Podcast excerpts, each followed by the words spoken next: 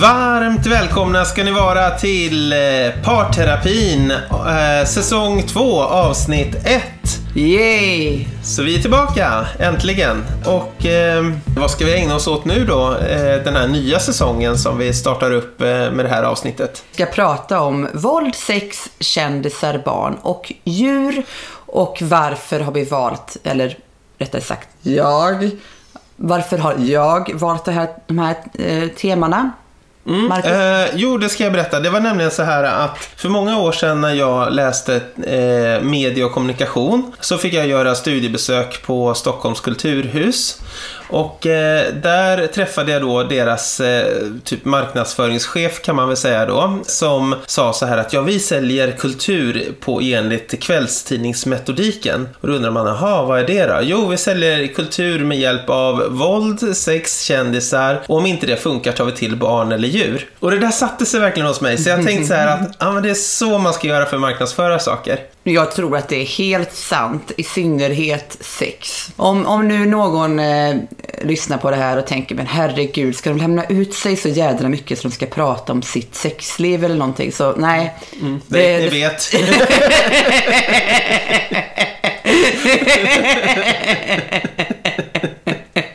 ja, men ja. däremot så ska vi komma in och prata på diverse sätt om mm. de här ämnena. Mm. Och idag så ska vi prata om våld. Precis, så det blir ju då en av de här i varje avsnitt. Så det kommer bli fem avsnitt totalt. Och i varje tar vi upp ett av de här temana.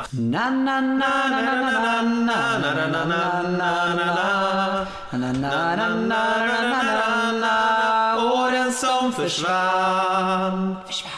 Och dessutom så gör vi ju detta för att vi faktiskt är mitt uppe i marknadsföringen av någonting. Inte sant Eskil? Ja, vi håller ju på och ska marknadsföra den här Åren som försvann. Min självbiografi som kommer att publiceras på Tallbergs förlag december 21. Men just nu håller jag på att samla in de 40 000 kronor som det är meningen att jag ska bistå förlaget med i den här utgivningen. De står för 100 000 och jag ska stå för 40 000. Ja.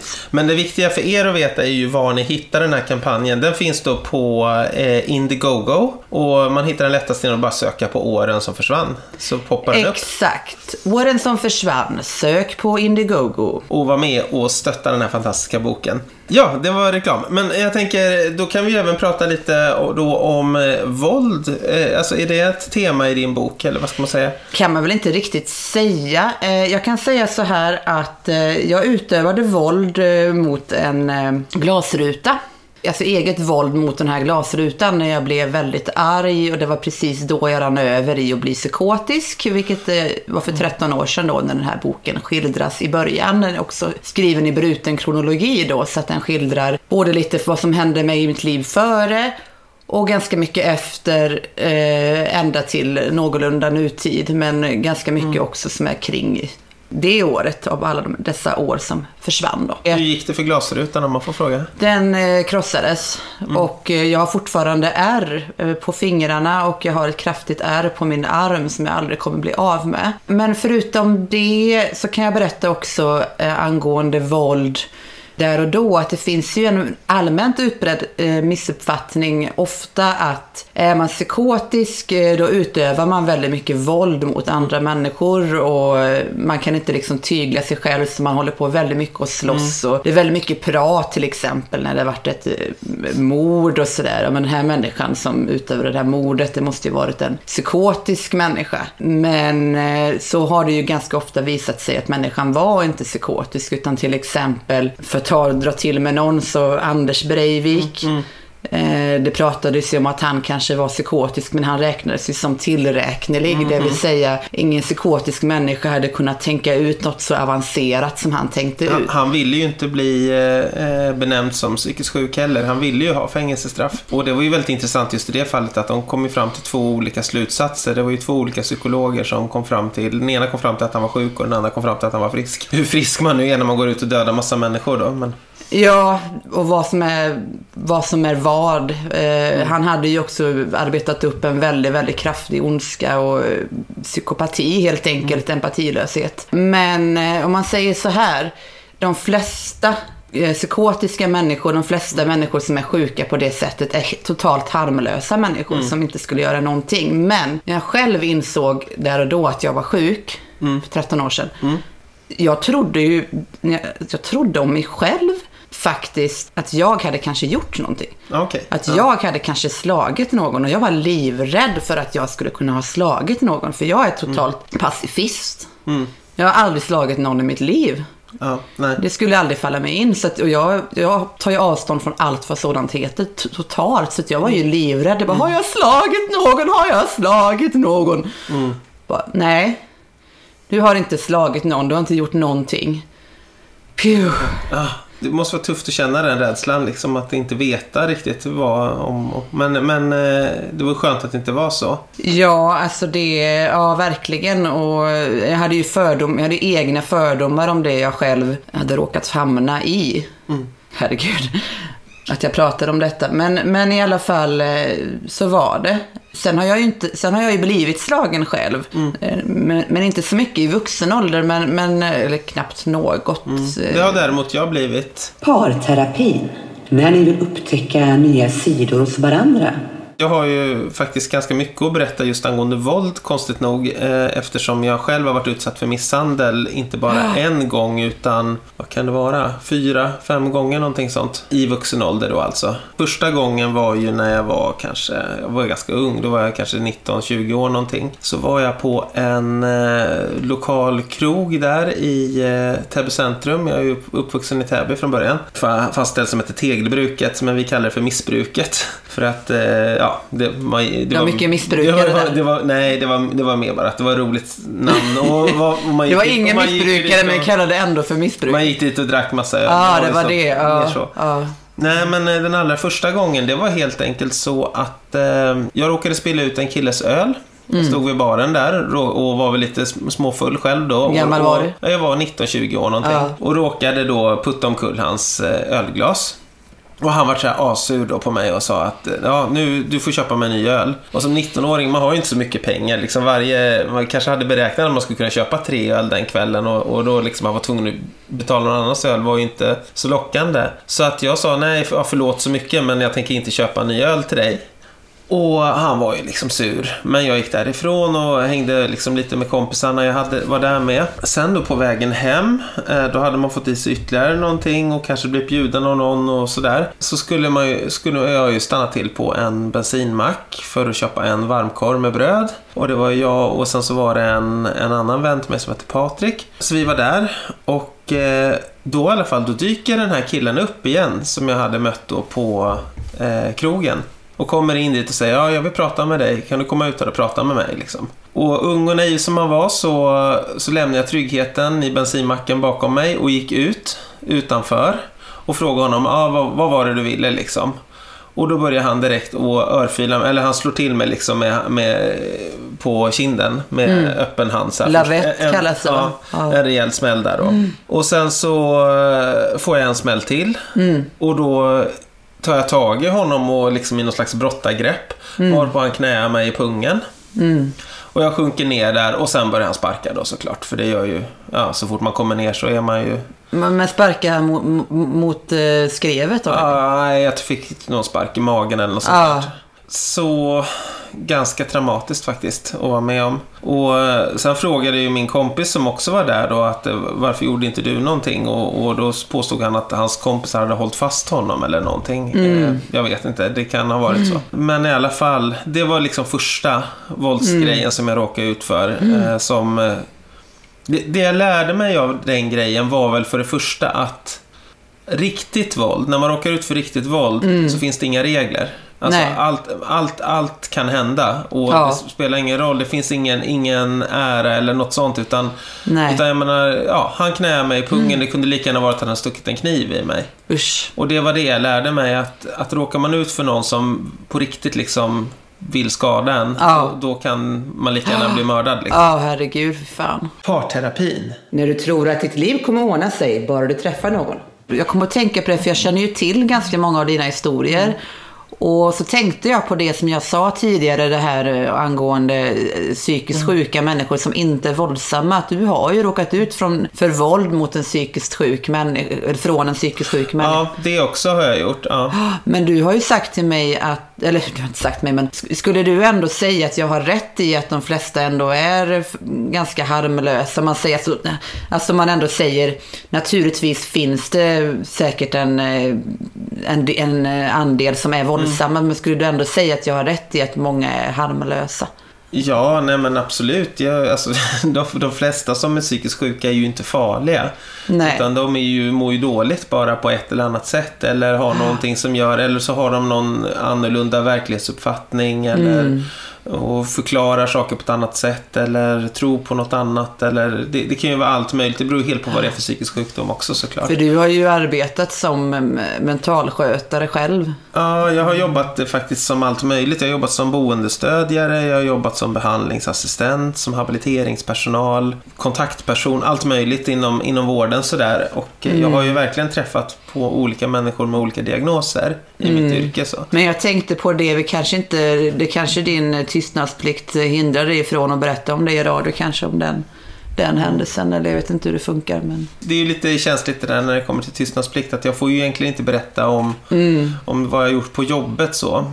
Men eh, mm, i alla fall ska man ju inte kunna identifiera personen eller veta vem det är. Nej. Men eh, man kan väl säga att jag har ju råkat ut för misshandel i mitt yrke och jag har råkat ut för det privat också. Det här första var ju ett exempel, tydligt exempel på när det Ja. var skedde på Ja. min fritid liksom. Ja. Så.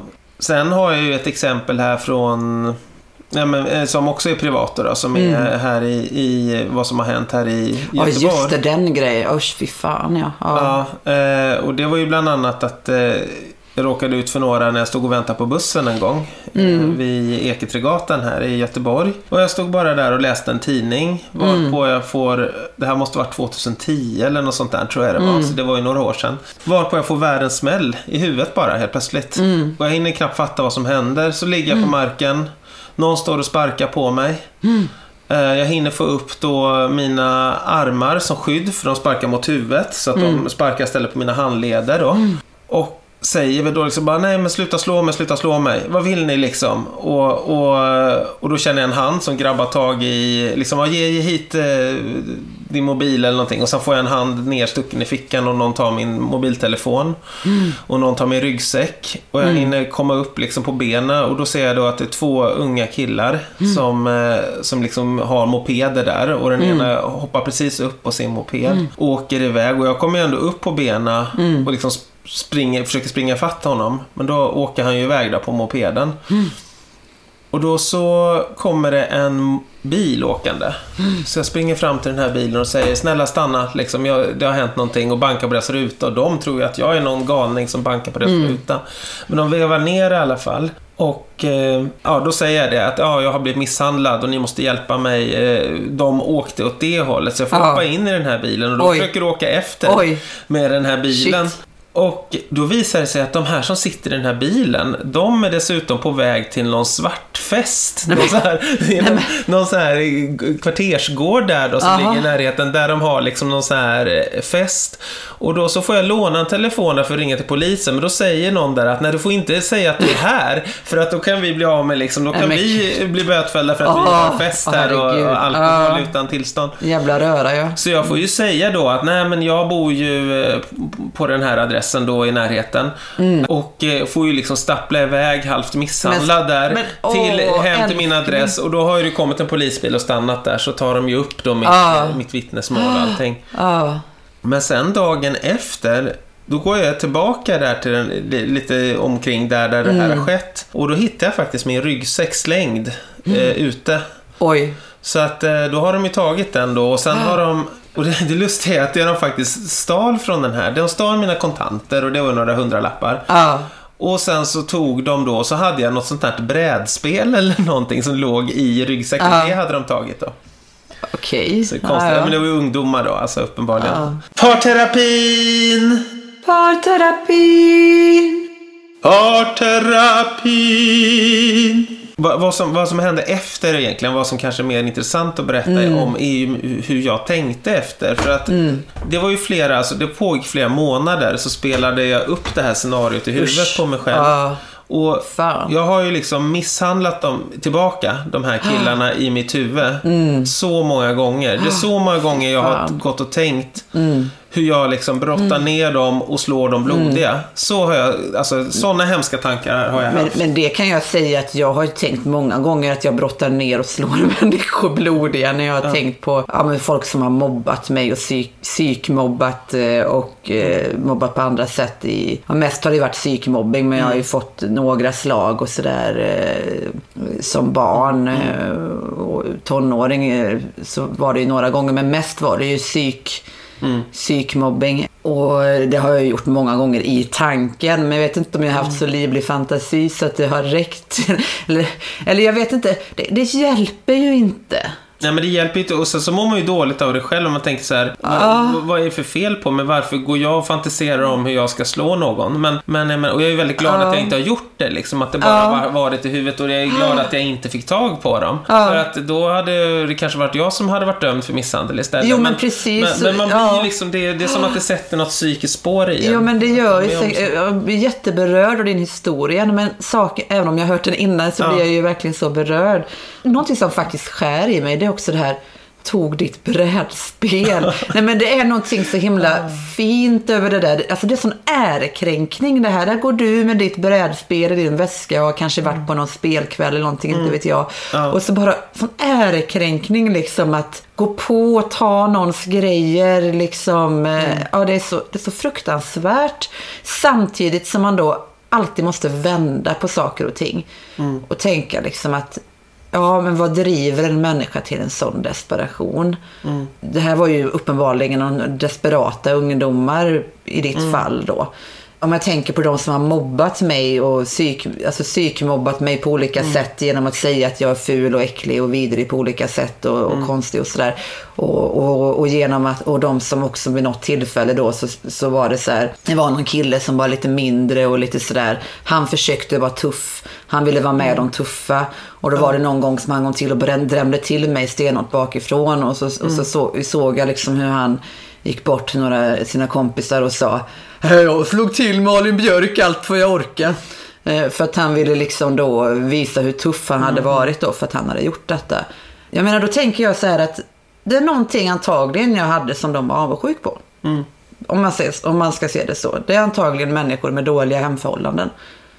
Jag hade, Ja, bra, säkert. jag hade stabila hemförhållanden. Jag hade en väldigt kärleksfull familj som Ja, det är tack vare dem jag lever. Nej men, nej, men, nej, men, nej, men, nej, men lite så. Ja. Eh, Så att, jag vet inte. Sen finns det ju fall där man verkligen inte kan vända på det. Man tänker Breivik. Det går inte att vända på. Det går inte att säga att han hade någon som helst anledning att utföra ett massmord. Men där handlar det om en empatilöshet. Det handlar om en psykopati som är att inte överhuvudtaget kunna känna med andra människor eller andra varelser. Eller ja, jag skulle säga i hans fall så är det väl också att han har på något sätt övertygat sig själv om någon konstig politisk ideologi som han börjar tro på. Jo, det är klart så är det ju också. Och naturligtvis så måste det finnas med en liten eh, empatilöshet i, i alla sådana där fall. Mm. Liksom. Eh, För den här killen eh, där i mina tonår, det var väl i sjuan eller åttan eller någonting. Eh, han måste ju liksom ha tänkt att han kunde ju inte bortse, han kunde ju inte se min situation. Mm. Hur jag kände det. Han kunde ju bara se att jag blir coolare om jag gör det här. Det var bara han själv som var i fokus Mm, där. Hans, eh, och så är det för ganska många, och kanske i synnerhet unga människor. Ja. Det är man själv. Och ju äldre man blir nästan, skulle jag säga, eh, kanske Aha. generellt, så kanske man klarar att bortse från sig själv och, och Mm. klarar att ta in andras Ja, precis. perspektiv. Parterapi! Home, när man inte bara delar liv utan också intressen. Utan också sina intressen. Sitt hem. Det var en intressant diskussion här. Det var väldigt intressant och jag är egentligen sugen på att prata mer om detta. Men jag tänker att eh, programmet blir lite långt. Så vi kanske behöver börja avrunda lite granna. Nu fattar vi varför våld säljer. Precis. Så eh, jag säger så här, tack så mycket för att ni har lyssnat igen på första avsnittet av säsong två av eh, Parterapin. Parterapin med Marcus Malinda Lindmark och Malin Maria Lindmark. Och eh, fortsätt gärna lyssna. Vi kommer tillbaka här nu om en vecka redan och då kommer vi prata om eh, sex. sex. Ja, och, och eh, så, så, som sagt även då med anknytning till din fantastiska bok som du har skrivit. Så Ja. eh, det vill ni verkligen inte missa. Musiken är som vanligt av Kevin MacLeod. Ja, tack för oss. Hej då! Hej då!